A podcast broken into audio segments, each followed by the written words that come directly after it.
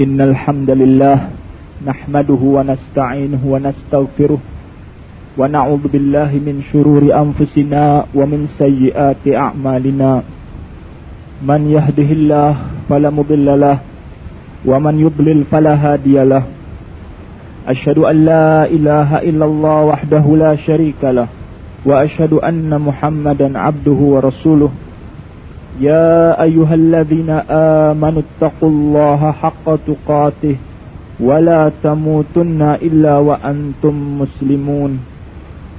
يا أيها الناس اتقوا ربكم الذي خلقكم من نفس واحدة وخلق منها زوجها وبث منهما رجالا كثيرا ونساء.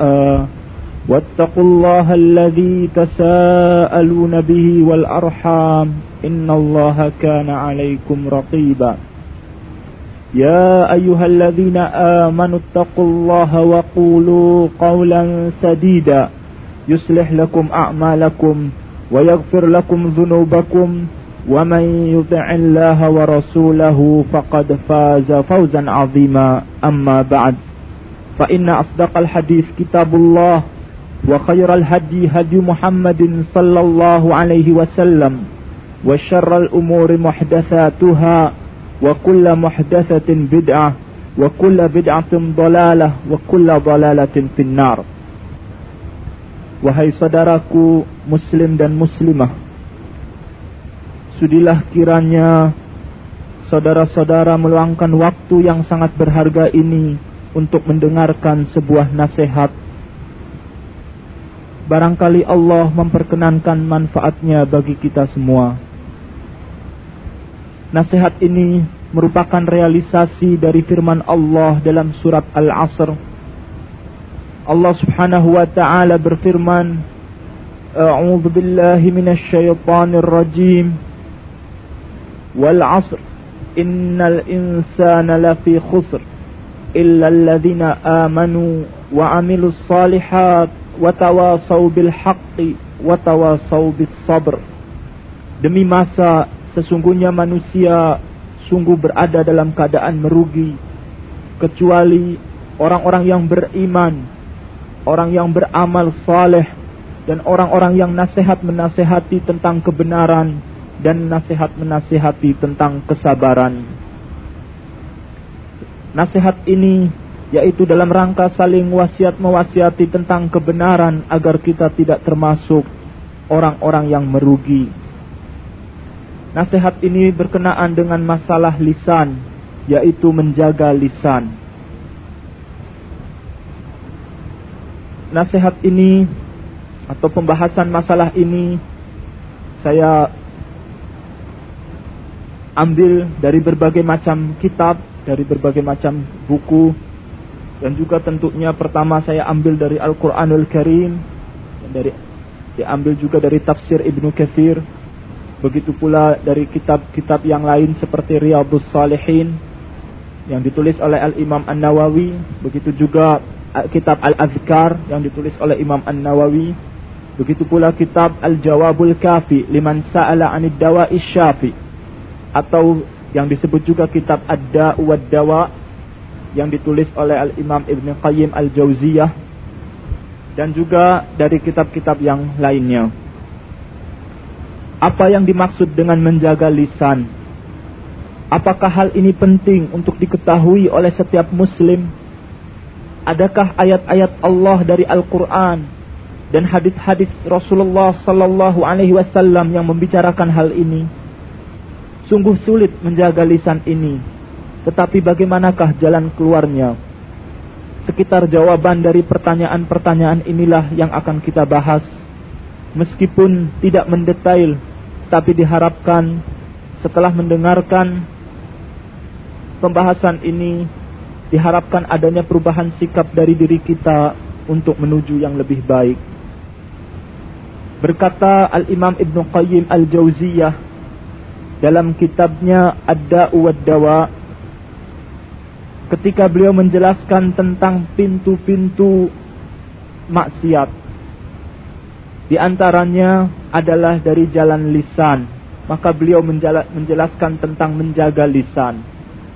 Ia berkata, "Fahifdhuha bi an la yukhrija lafzatan dha'i'atan bi an la yatakallama illa fima yarju fihi ar-ribha wal fa'idata fi dinih fa idza arada an yatakallama bil kalimati nazar hal fiha ribhun wa fa'idatun am la fa in lam yakun fiha ribhun amsaka anha wa in kana fiha ribhun nazar hal tafutuhu biha kalimatun hiya arbahu minha fala yudayyi'uha bihadhih wa idza aradta an tastadilla ala ma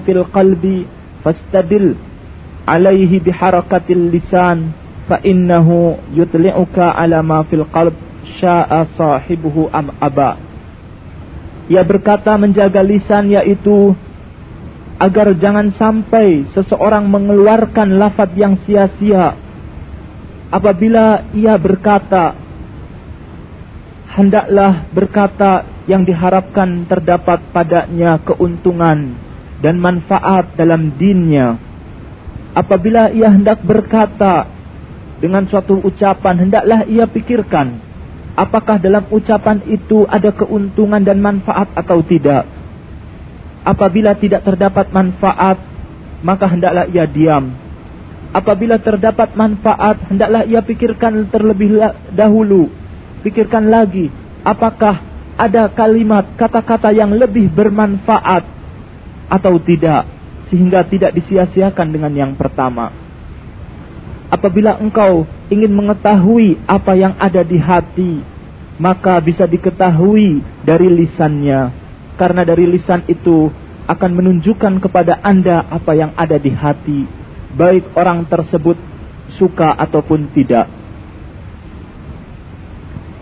Begitu pula Al-Imam An-Nawawi rahimahullah ia telah berkata dalam kitabnya Al-Adhkar tentang masalah menjaga lisan ini.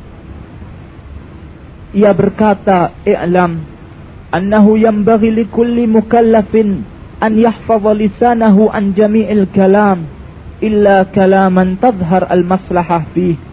ومتى استوى الكلام وتركه في المصلحة فالسنة الإمساك عنه لأنه قد ينجر الكلام المباح إلى حرام أو مكروه بل هذا كثير أو غالب في العادة والسلامة لا يعدلها شيء Ketahuilah, sesungguhnya merupakan keharusan bagi setiap muslim untuk menjaga lisannya dari segala ucapan kecuali apabila terdapat maslahat padanya dan apabila sama baiknya ia bicara atau diam dalam hal maslahah, maka sunnah menahannya.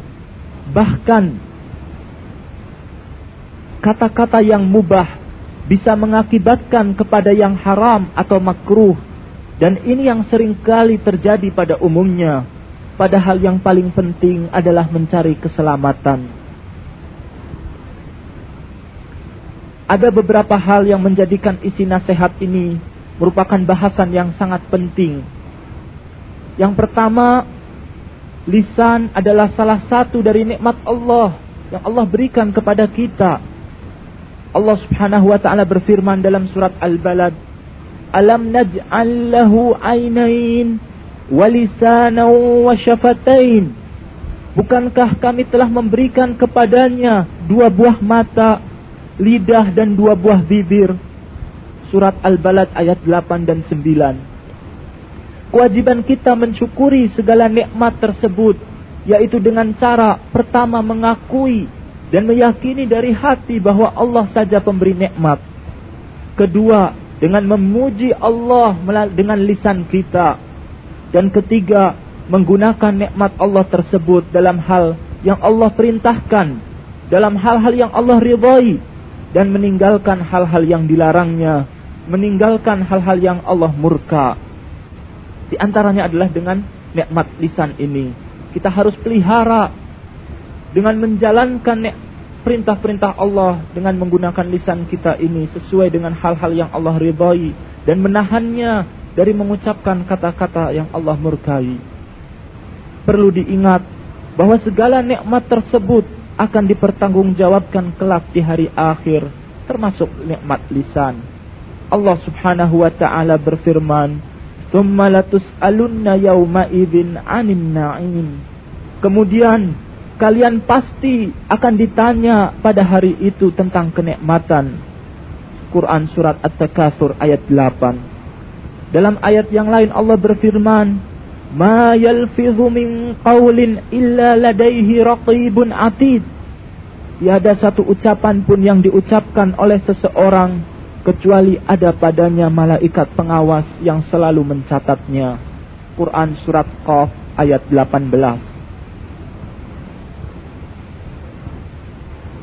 Terdapat dalam sebuah hadis yang diriwayatkan yang disampaikan oleh Muad bin Jabal radhiyallahu anhu. Terdapat dalam kitab Riyadhus Salihin nomor 1530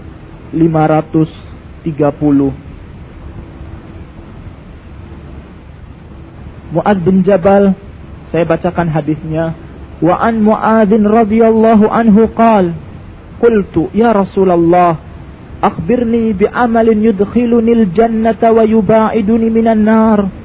قال لقد سألت عن عظيم وإنه ليسير على من يسره الله تعالى عليه.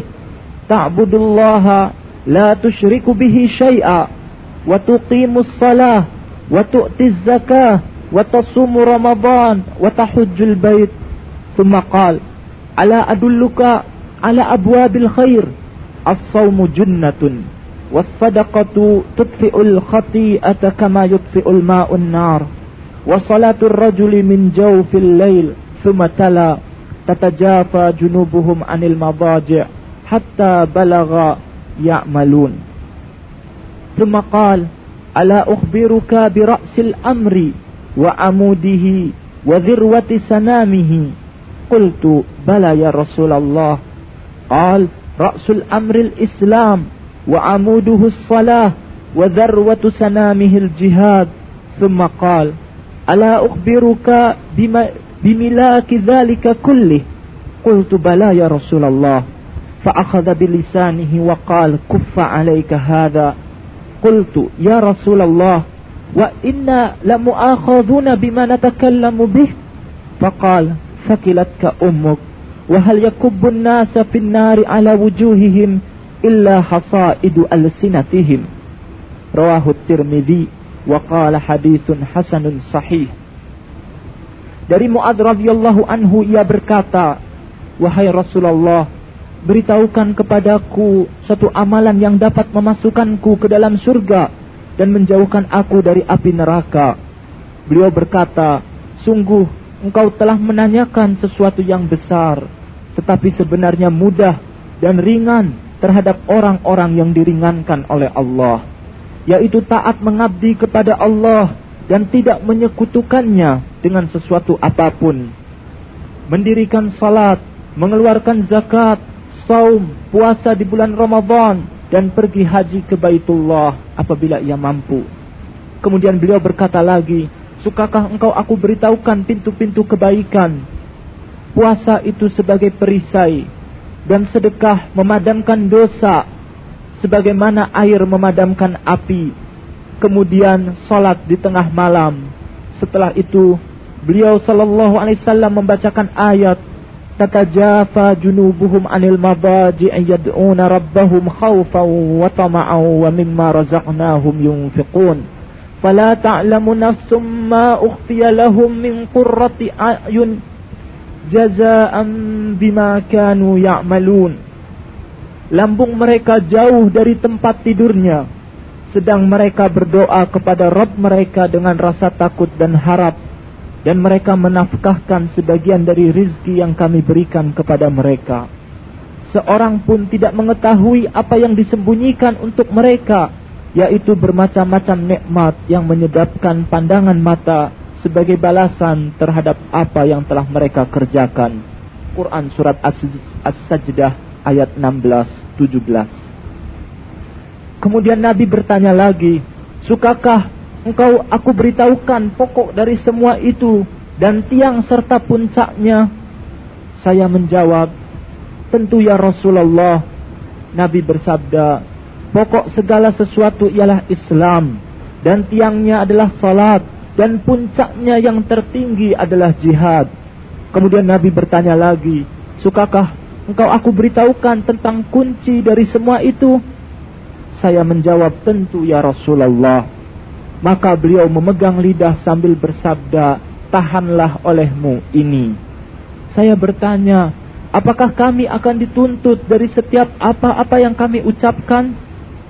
Nabi menjawab, sudah barang tentu bagaimana tidak. Bukankah orang tersungkur ke dalam api neraka tiada lain karena hasil dari lidah mereka. Hadis riwayat Tirmidzi ia berkata hadis hasanun sahih. Yang kedua, lisan merupakan bukti keimanan seseorang. Seorang mukmin yang benar apabila berkata-kata maka yang keluar adalah ucapan yang baik-baik saja dari Abi Hurairah radhiyallahu anhu dari Nabi sallallahu alaihi wasallam beliau bersabda Man kana yu'minu billahi wal yawmil akhir falyaqul khairan aw liyasmut. Muttafaqun alaih. Barang siapa yang beriman kepada Allah dan hari akhir maka hendaklah ia berkata yang baik atau apabila tidak dapat hendaklah ia diam. Hadis diriwayatkan oleh Bukhari dan Muslim. Yang ketiga dengan menjaga lisan menyebabkan seseorang mendapatkan keriduan Allah dan masuk surga. Dan dengan tidak dijaganya lisan menyebabkan kemurkaan Allah dan masuk neraka. Wala billah. Dari Sahal bin Sa'ad radhiyallahu anhu dari Rasulullah sallallahu alaihi wasallam beliau bersabda Man yadmanu li ma baina lahyaihi wa ma baina rijlaihi admanu lahul jannah muttafaqun alaih. Barang siapa menjamin kepadaku apa-apa yang ada di antara janggut dan kumis, yaitu lisan, dan antara dua kakinya, yaitu kemaluan, aku jamin bagi dia surga. Hadis sahih diriwayatkan oleh Bukhari dan Muslim. Dari Abu Hurairah radhiyallahu anhu bahwasanya dia mendengar Nabi sallallahu alaihi wasallam bersabda, innal abda la yatakallamu bil kalimati ma yatabayyanu fiha yazillu biha ila nar ab'ada mimma bainal masyriqi wal maghrib muttafaqun alaih. Sesungguhnya seorang hamba mengucapkan kata-kata ia tidak memikirkan apakah baik atau tidak. Dengan kalimat itu ia tergelincir ke dalam api neraka sejauh antara timur dan barat. Muttafaqun alaih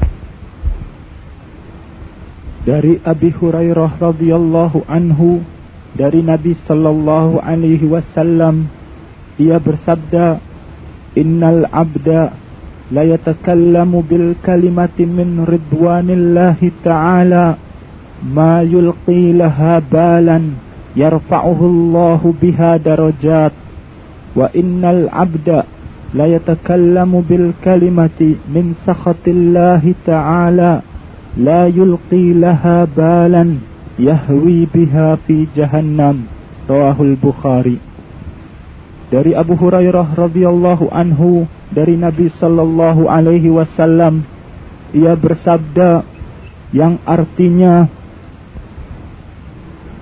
Sesungguhnya seorang hamba mengucapkan kata-kata yang Allah ridhoi tidak terpikirkan olehnya Allah tinggikan orang tersebut dengan kata-kata tadi beberapa derajat.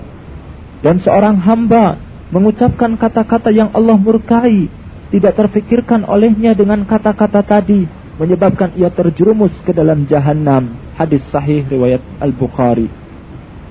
Yang keempat, apabila lisan tidak dijaga, dapat menyebabkan retaknya ukhuwah Islamiyah Ukhuwah Islamiyah merupakan salah satu nikmat Allah yang wajib kita syukuri. Allah Subhanahu wa taala berfirman, "Wa'tasimu bihablillahi jami'an wa la tafarraqu wadhkuru ni'matallahi 'alaikum id kuntum a'da'an fa'alafa baina qulubikum fa asbahtum bi ni'matihi ikhwana." wa kuntum ala syafa hufratin minan nari fa'anqadhakum minha. Kadzalika yubayyinullahu lakum ayatihi la'allakum tahtadun. Dan dan berpeganglah kamu semuanya kepada tali Allah kepada agama Allah. Dan janganlah kalian bercerai-berai. Dan ingatlah akan nikmat Allah kepada kalian ketika kalian dahulu masa jahiliyah bermusuh-musuhan. Maka Allah mempersatukan hati kalian Lalu menjadilah kalian karena nikmat Allah menjadi orang-orang yang bersaudara dan kalian telah berada di tepi jurang neraka Lalu Allah menyelamatkan kalian daripadanya. Demikianlah Allah menerangkan ayat-ayatnya kepada kalian agar kalian mendapatkan petunjuk. Ukhuwah Islamiah merupakan buah bahkan bukti dari keimanan seseorang. Sebagaimana Rasulullah sallallahu alaihi wasallam bersabda, "La tadkhulunal jannata hatta tu'minu wa la tu'minu hatta tahabbu." Awala adullukum ala syai'in idza fa'altumuhu tahabbtum afsus salama bainakum rawahu muslim wa ghairuh tidaklah kalian akan masuk surga sampai kalian beriman dan tidaklah sempurna iman kalian sampai kalian saling cinta mencintai Maukah aku beritahukan kepada kalian suatu perbuatan jika kalian melaksanakannya niscaya kalian akan saling cinta mencintai. Sebarkanlah salam di antara kalian. Hadis riwayat Muslim. Ukhuwah yang merupakan salah satu asas demi terbentuknya masyarakat Islam setelah iman. Apabila kita mengumbar lisan kita dengan berbuat ghibah, mengumpat, atau berbuat namimah, mengadu domba, berdusta, mencaci maki, berjidal atau debat kusir, memperolok-olok saudara kita, berdusta atas nama Allah dan Rasul, dan lain-lain dari perbuatan dosa, maka tak syak lagi, tidak ragu lagi akan mengakibatkan permusuhan di antara kaum muslimin.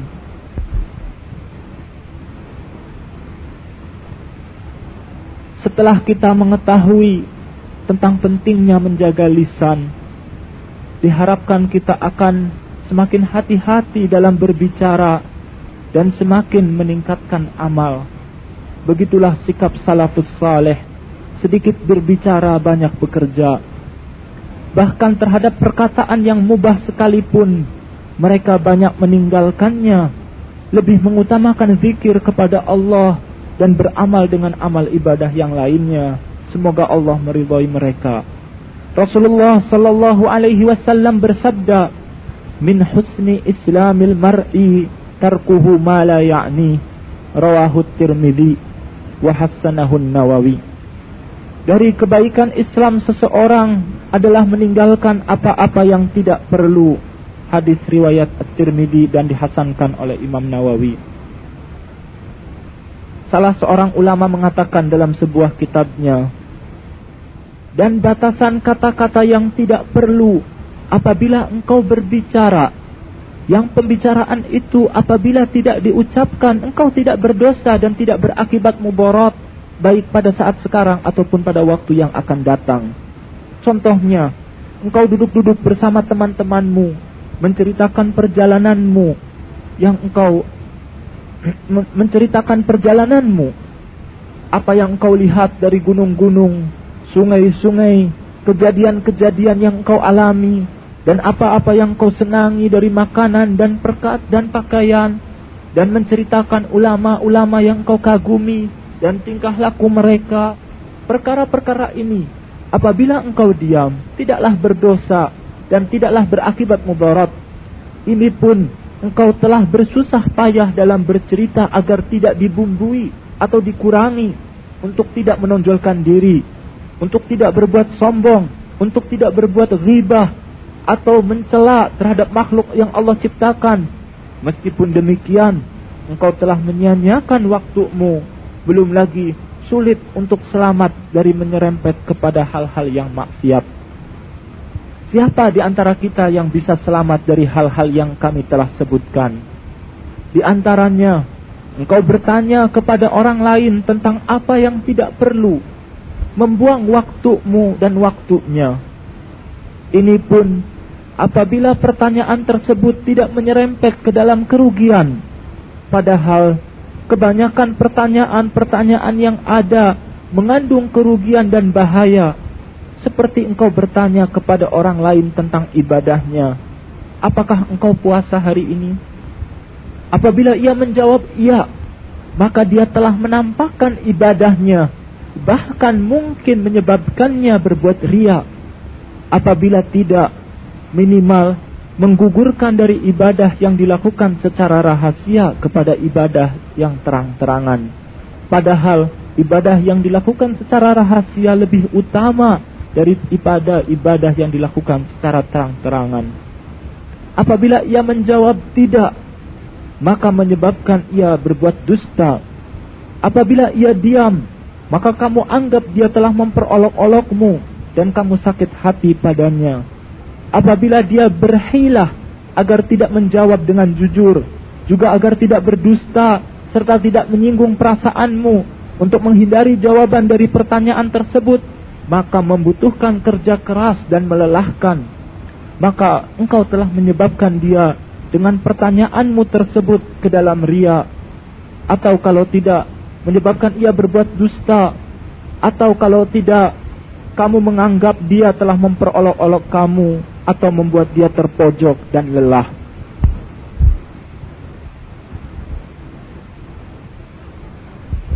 Memang kita akui bersama sulitnya mempraktekkan hal ini. Bahkan salah seorang ulama mengatakan, saya mencari suatu perkara sejak 20 tahun, tetapi belum sanggup sampai sekarang. Dan saya tetap tidak putus asa untuk mendapatkannya. Mereka bertanya, apa itu? Maka ia menjawab, diam dari apa-apa yang tidak perlu. Al-Imam Ibn Al-Qayyim Al-Jauziyah berkata dalam kitab Ad-Da'u Wad-Da' Ad-Da'u atau Al-Jawabul Kafi liman sa'ala 'anid dawa'i syafi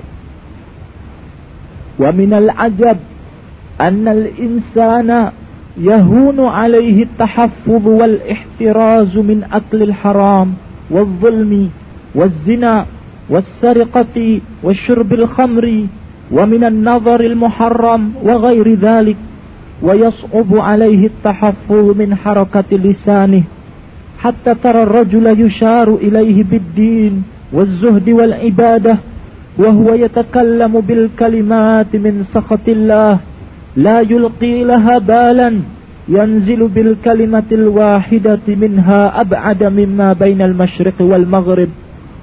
وكم ترى من رجل متورع عن الفواحش والظلم ولسانه يفري في أعراض الأحياء والأموات ولا يبالي بما يقول. وإذا أردت أن تعرف ذلك فانظر إلى ما رواه مسلم في صحيحه. من حديث جندب بن عبد الله قال قال رسول الله صلى الله عليه وسلم قال رجل والله لا يغفر الله لفلان. فقال الله عز وجل من ذا الذي يتألى علي أني لا أغفر لفلان؟ قد غفرت له وأحببت عملك كله. فهذا العابد الذي قد عبد الله ما شاء أن يعبده ahbatat hadhil kalimah. Ahbatat hadhil kalimatul wahidatu amalahu kullah. Yang artinya merupakan keanehan bahwa manusia mudah sekali untuk menjaga dan memelihara dari makan yang haram dari berbuat zalim berzina mencuri, minum khamr dan memandang pemandang pandangan yang diharamkan dan lain sebagainya, tetapi sulit untuk menjaga dari gerakan lisannya, Sampai-sampai seseorang yang dipandang sebagai ahli agama, zuhud, gemar beribadah, dia berbicara dengan ucapan yang Allah murkai, tidak disangka-sangka akibat ucapannya tersebut menyebabkan ia tergelincir lebih jauh dari jarak antara timur dan barat. Betapa banyak engkau lihat orang yang demikian dalam hal wara, meninggalkan perbuatan-perbuatan keji dan kezaliman, tetapi lisannya diumbar ke sana kemari menodai kehormatan orang-orang yang hidup dan orang-orang yang telah meninggal tanpa memperdulikan apa yang diucapkannya. Apabila engkau ingin bukti, maka perhatikanlah riwayat Al-Imam Muslim dalam sahihnya dari Jundub bin Abdullah radhiyallahu anhu ia berkata bahwasanya Rasulullah sallallahu alaihi wasallam bersabda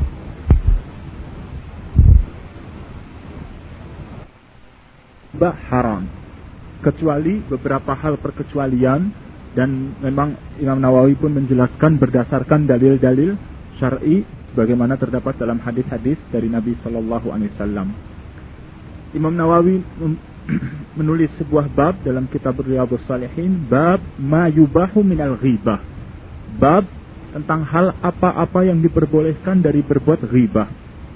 Ia berkata, i'lam annal ghibata tubahu li gharadin sahihin syar'i.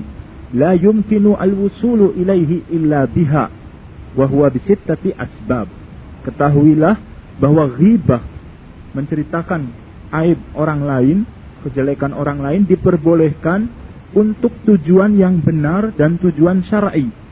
Yang tidak mungkin untuk sampai kepada tujuan syar'i tadi kecuali harus dengan melakukan ghibah yaitu menceritakan kejelekan orang lain tadi. Ada enam sebab. Sebab yang pertama al-awwal at-tazallum yaitu mengadukan tentang kezaliman orang lain. Fayajuzu lil mazlumi an yatazallama ila sultan wal qadi wa ghairihima mimman lahu wilayah au qudwatun ala insafihi min zalimihi yaitu diperbolehkan bagi orang yang dizalimi untuk mengadukan perbuatan zalim orang yang berbuat zalim tadi kepada penguasa atau kepada hakim, kepada qadhi atau kepada lainnya yang mempunyai kekuasaan atau mempunyai kemampuan untuk menyelesaikan permasalahan tadi dan untuk men, uh, menghilangkan kezaliman tadi.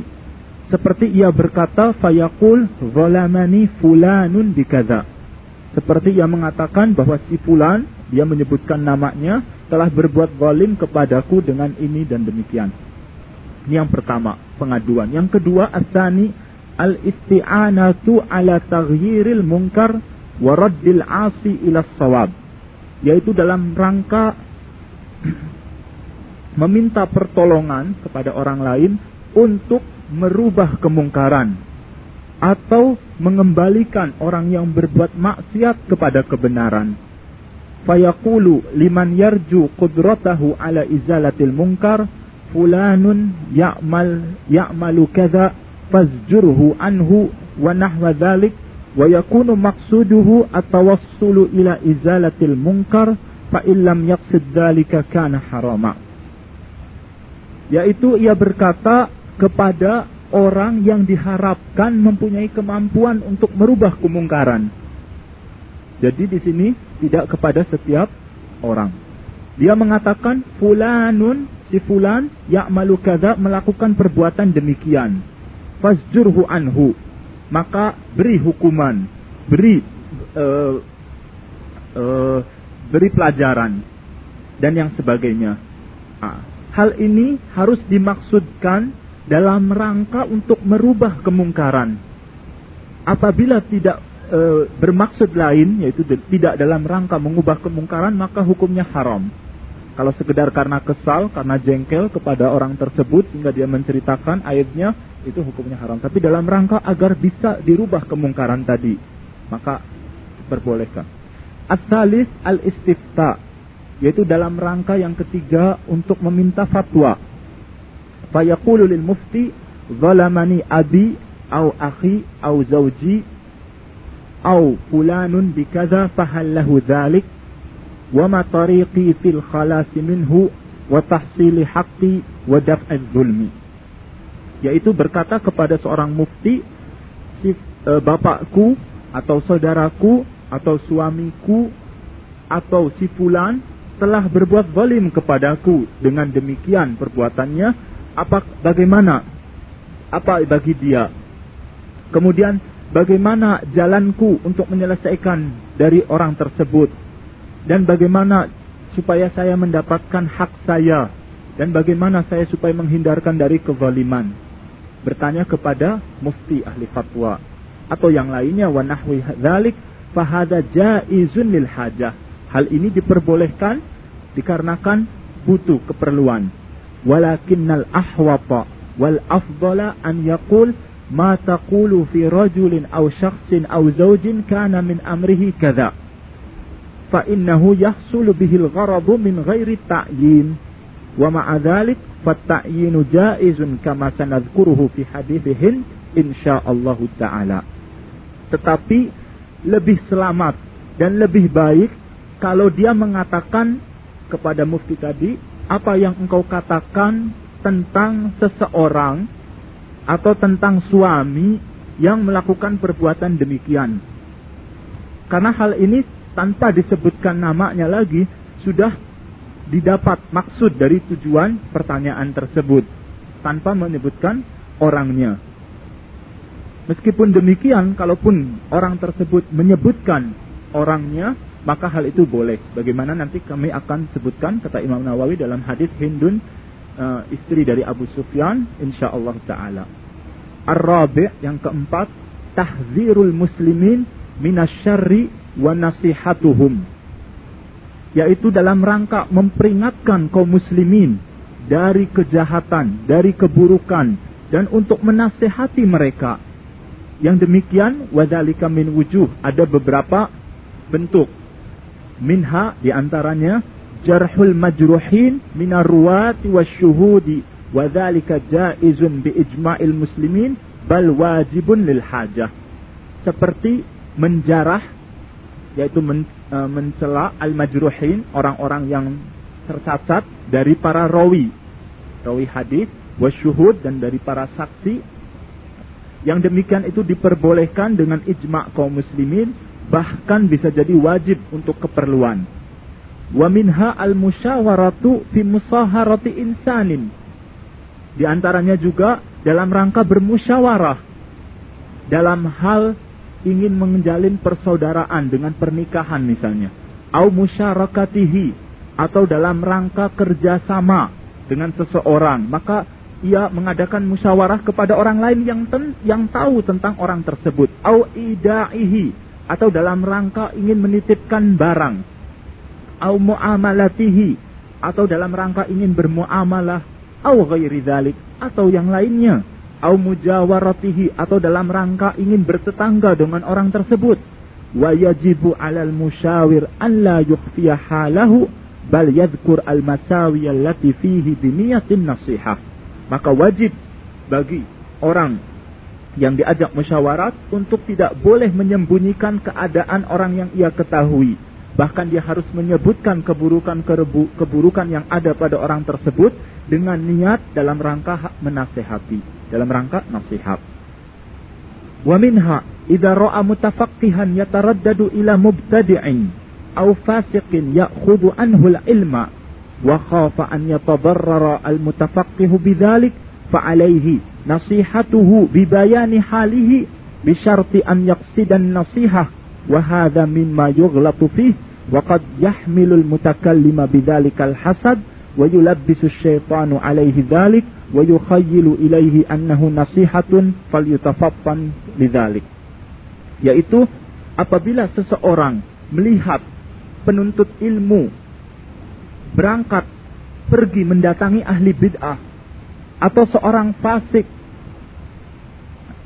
mendatangi orang fasik untuk mengambil ilmu dari orang tersebut. Maka orang yang tahu takut apabila penuntut ilmu yang tak yang berangkat tadi akan mendapatkan mudarat. Dengan datangnya ke tempat majelis dari ahli bid'ah atau orang fasik tersebut maka wajib atas orang yang tahu tadi menasehati orang yang pergi tadi penuntut ilmu tadi dengan menjelaskan keadaan sebenarnya. Dengan syarat ia maksud dia dalam rangka memberi nasihat karena hal ini sering terjadi kesalahan yaitu bukan dalam niat ikhlas dalam rangka menasehati tapi kadang-kadang yaitu yang mendorong dia untuk berbicara dikarenakan hasad sehingga syaitan menipu dia dan menghayalkan, memberi khayalan kepada dia bahwa hal ini untuk nasihat padahal sebenarnya tidak. Enggak, setiap orang tentu masing-masing tahu akan hati masing-masing apa dari niatnya. Harus benar-benar niatnya karena ikhlas karena Allah.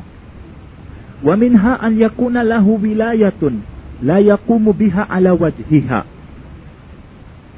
Yaitu yang di antaranya lagi menceritakan kejelekan orang lain bagi yang orang itu sebenarnya mempunyai kekuasaan, mempunyai kedudukan, tapi tidak menjalankan tugasnya dengan benar.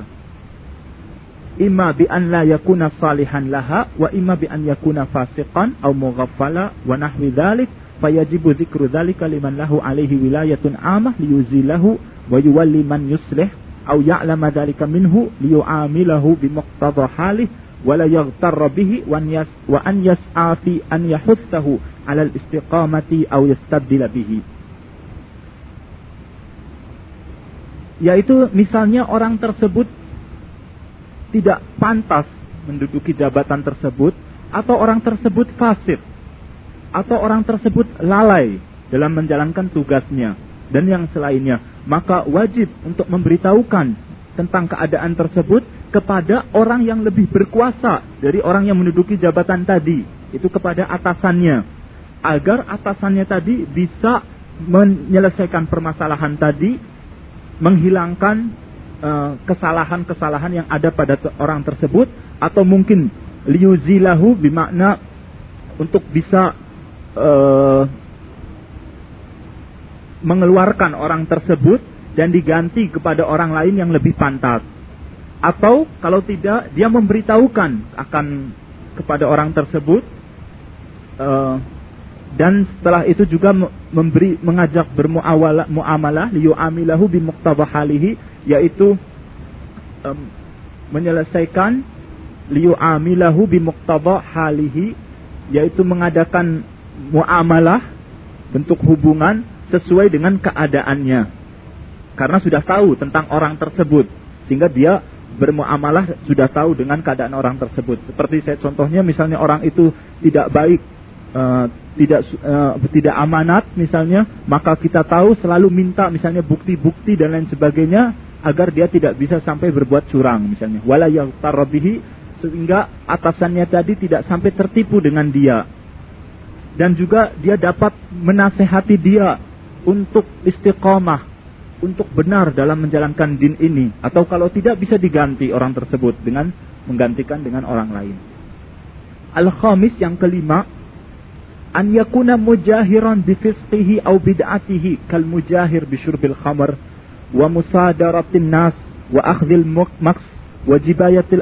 zulman wa tawallil umur al batilah fayajuzu dhikruhu bima yujahiru bihi wa yahrumu dhikruhu bi ghairihi min al uyub illa an yakuna li jawazihi sababun akhar mimma dzakarna yang kelima seseorang yang melakukan maksiat yaitu kefasikan atau bid'ah dengan terang-terangan.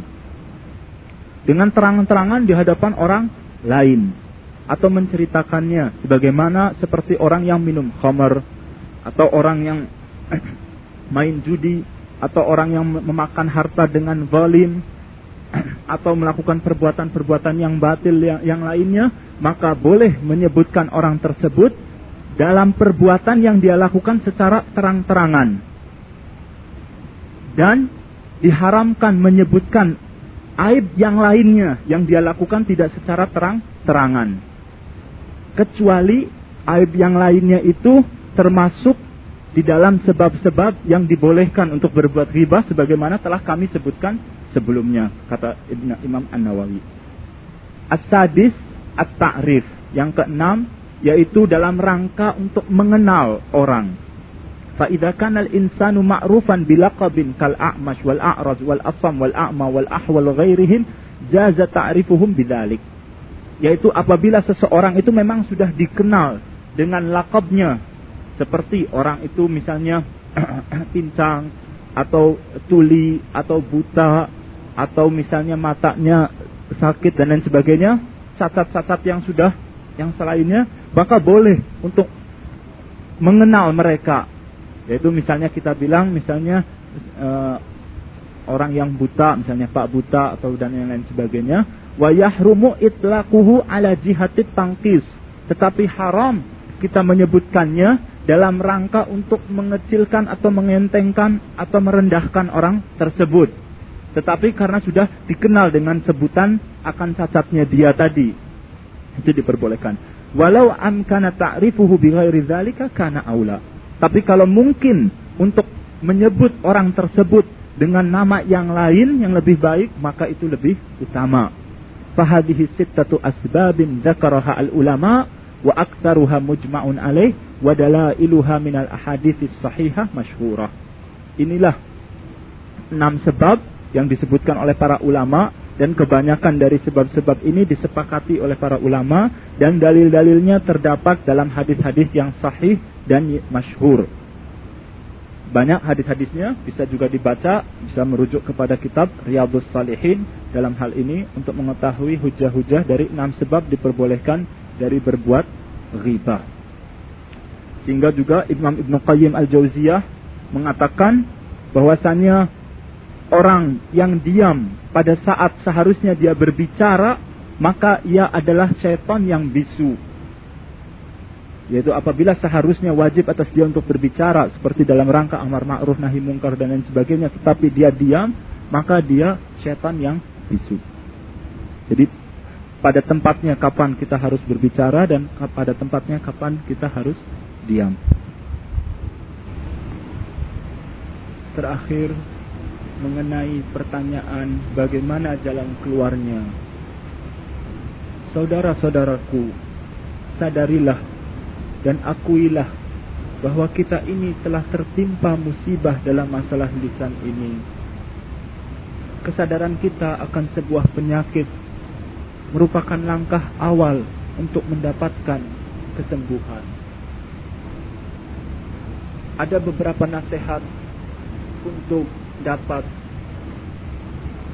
menyelesaikan dari problem kita ini tentang masalah lisan. Yang pertama tadi telah saya sebutkan bahwa kita harus sadar bahwa kita ini tertimpa akan musibah ini. Kemudian yang kedua dengan bertobat kepada Allah Subhanahu wa taala. Memohon ampun akan dosa-dosa yang kita lakukan selama ini, akan kekurangan-kekurangan kita selama ini. Rabbana لا تؤاخذنا إن نسينا أو أخطأنا. ربنا ولا تحمل علينا إسرا كما حملته على الذين من قبلنا. ربنا ولا تحملنا ما لا طاقة لنا به. واعف عنا واغفر لنا وارحمنا أنت مولانا فانصرنا على القوم الكافرين. ربنا لا تزغ قلوبنا بعد إذ هديتنا وهب لنا من لدنك رحمة إنك أنت الوهاب ربنا ظلمنا أنفسنا وإن لم تغفر لنا وترحمنا لنكونن من الخاسرين لا إله إلا أنت سبحانك إني كنت من الظالمين Hendaklah kita bertobat, selalu bertobat kepada Allah subhanahu wa ta'ala akan segala dosa yang telah kita lakukan. Rasulullah sallallahu alaihi wasallam selalu beristighfar kepada Allah dalam sehari sebanyak 70 kali. Dalam riwayat lain sebutkan dalam sehari sebanyak 100 kali. Yang ketiga, kita harus menuntut ilmu. Tentu saja Menuntut ilmu ini hukumnya wajib sebagaimana telah kita ketahui dalam ayat-ayat Al-Qur'an ataupun hadis-hadis Nabi sallallahu alaihi wasallam. Rasulullah sallallahu alaihi wasallam bersabda, "Talabul ilmi fardhatun ala kulli muslim." Menuntut ilmu wajib hukumnya atas setiap muslim. Hadis sahih rawahu Ibnu Majah dan yang lainnya. Begitu pula terdapat keutamaan tentang orang-orang yang menuntut ilmu. Allah Subhanahu wa taala berfirman, "Yarfa'illahu alladhina amanu minkum walladhina utul ilma darajat." Surat Al-Mujadilah ayat 11. Allah meninggikan derajat orang-orang yang beriman di antara kalian dan orang-orang yang diberi ilmu pengetahuan. Rasulullah sallallahu alaihi wasallam bersabda, "Man salaka tariqan yaltamisu fihi ilman, sahhalallahu lahu tariqan ilal jannah." Barang siapa yang mencari berjalan mencari ilmu maka Allah akan mudahkan bagi dia jalan menuju surga. Oleh karena itu, wajib dalam hal ini kita menuntut ilmu, mempelajari mengenai perbuatan lisan, apa-apa perbuatan lisan yang diperintahkan atau dianjurkan agar supaya kita melaksanakannya dan hal-hal yang dilarang dan yang dibenci dari perbuatan lisan kita harus ketahui dan kita harus pelajari. Yang keempat, berdoa kepada Allah Subhanahu wa taala agar Allah menjaga lisan kita. Allah memelihara lisan kita agar tidak tergelincir ke dalam perbuatan-perbuatan yang tidak baik. Di antara doa-doa yang diajarkan terdapat dalam Al-Quranul Karim. Allah subhanahu wa ta'ala berfirman, menyebutkan tentang doa, Rabbi habli hukma wa alhiqni bis salihin, waj'al li lisana sidqin fil akhirin, waj'alni min warathati jannatin na'im. Juga dalam firman lain yang tadi adalah terdapat dalam surat Asy-Syu'ara ayat 83 sampai 85. Kemudian dalam ayat yang lain surat Thaha ayat 20 sampai 28. Rabbishrah li sadri wa yassir amri wahlul 'uqdatam min lisani yafqahu qawli.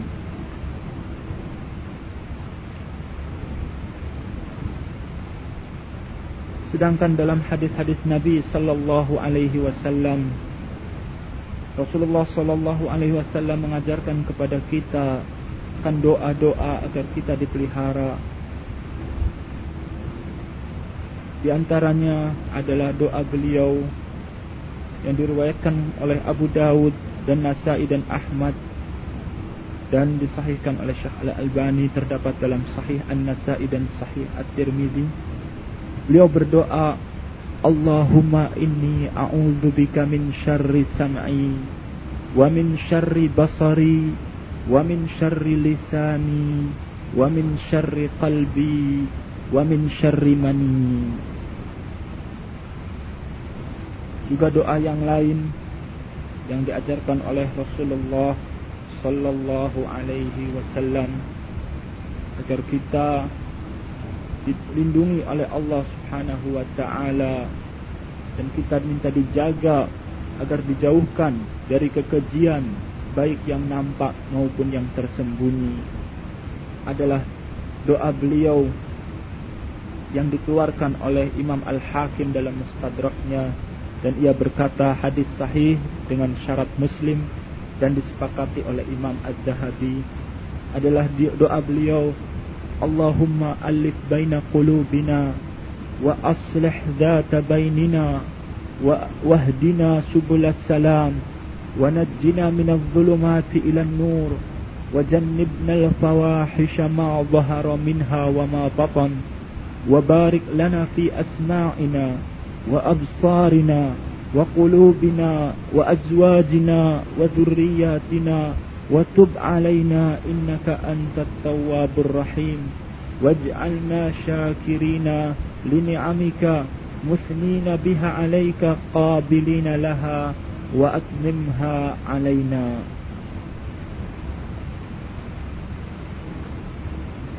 itu saja dan masih banyak doa-doa yang lain yang diajarkan oleh Rasulullah Sallallahu Alaihi Wasallam agar kita praktekkan dalam sehari-hari untuk berdoa.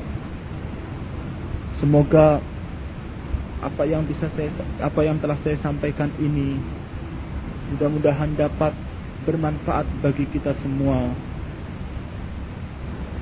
Akhirnya kita tutup majelis kita ini dengan membaca doa akhir majelis. Subhanakallahumma wa bihamdika asyhadu an la ilaha illa anta astaghfiruka wa atubu ilaik. Karena kan masih ada sisa kaset ini, maka marilah kita dengarkan tilawah yang dibacakan oleh Syekh Ahmad bin Ali Al-Ajmi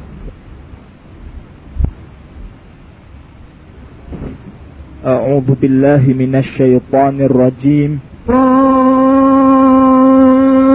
والقرآن المجيد بل عجبوا أن جاءهم منذر منهم فقال الكافر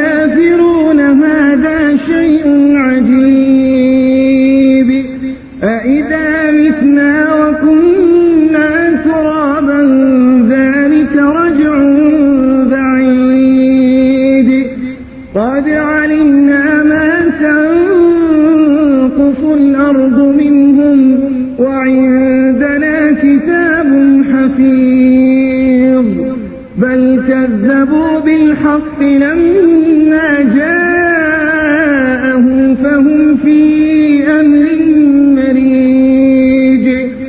أفلم ينظروا إلى السماء فوقهم كيف بنيناها؟ كيف بنيناها؟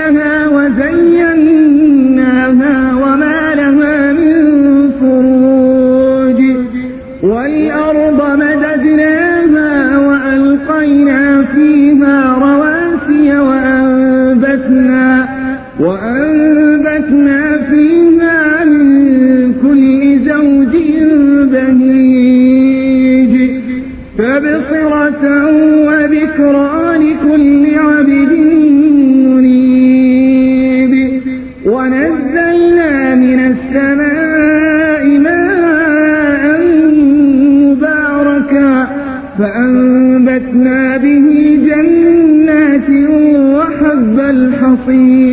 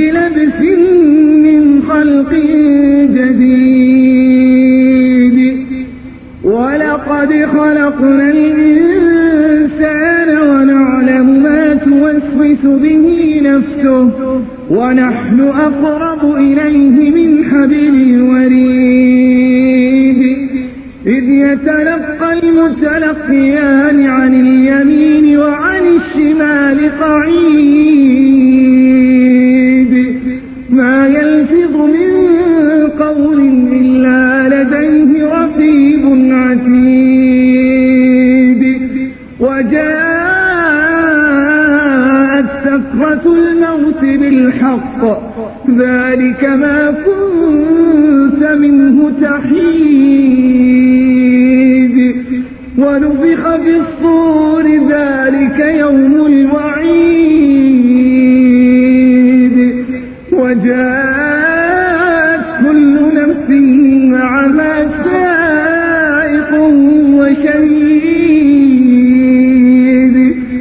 لقد كنت في غفلة من هذا فكشفنا عنك غطاءك فبصرك اليوم حديد.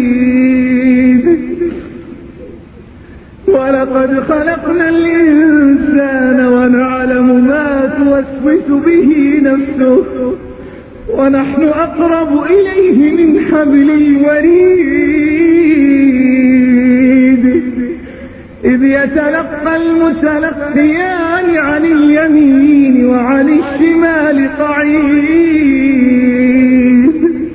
ما يلفظ من قول إلا لديه رقيب عتيد. وجاءت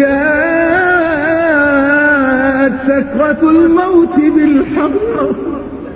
ذلك ما كنت منه تحيد.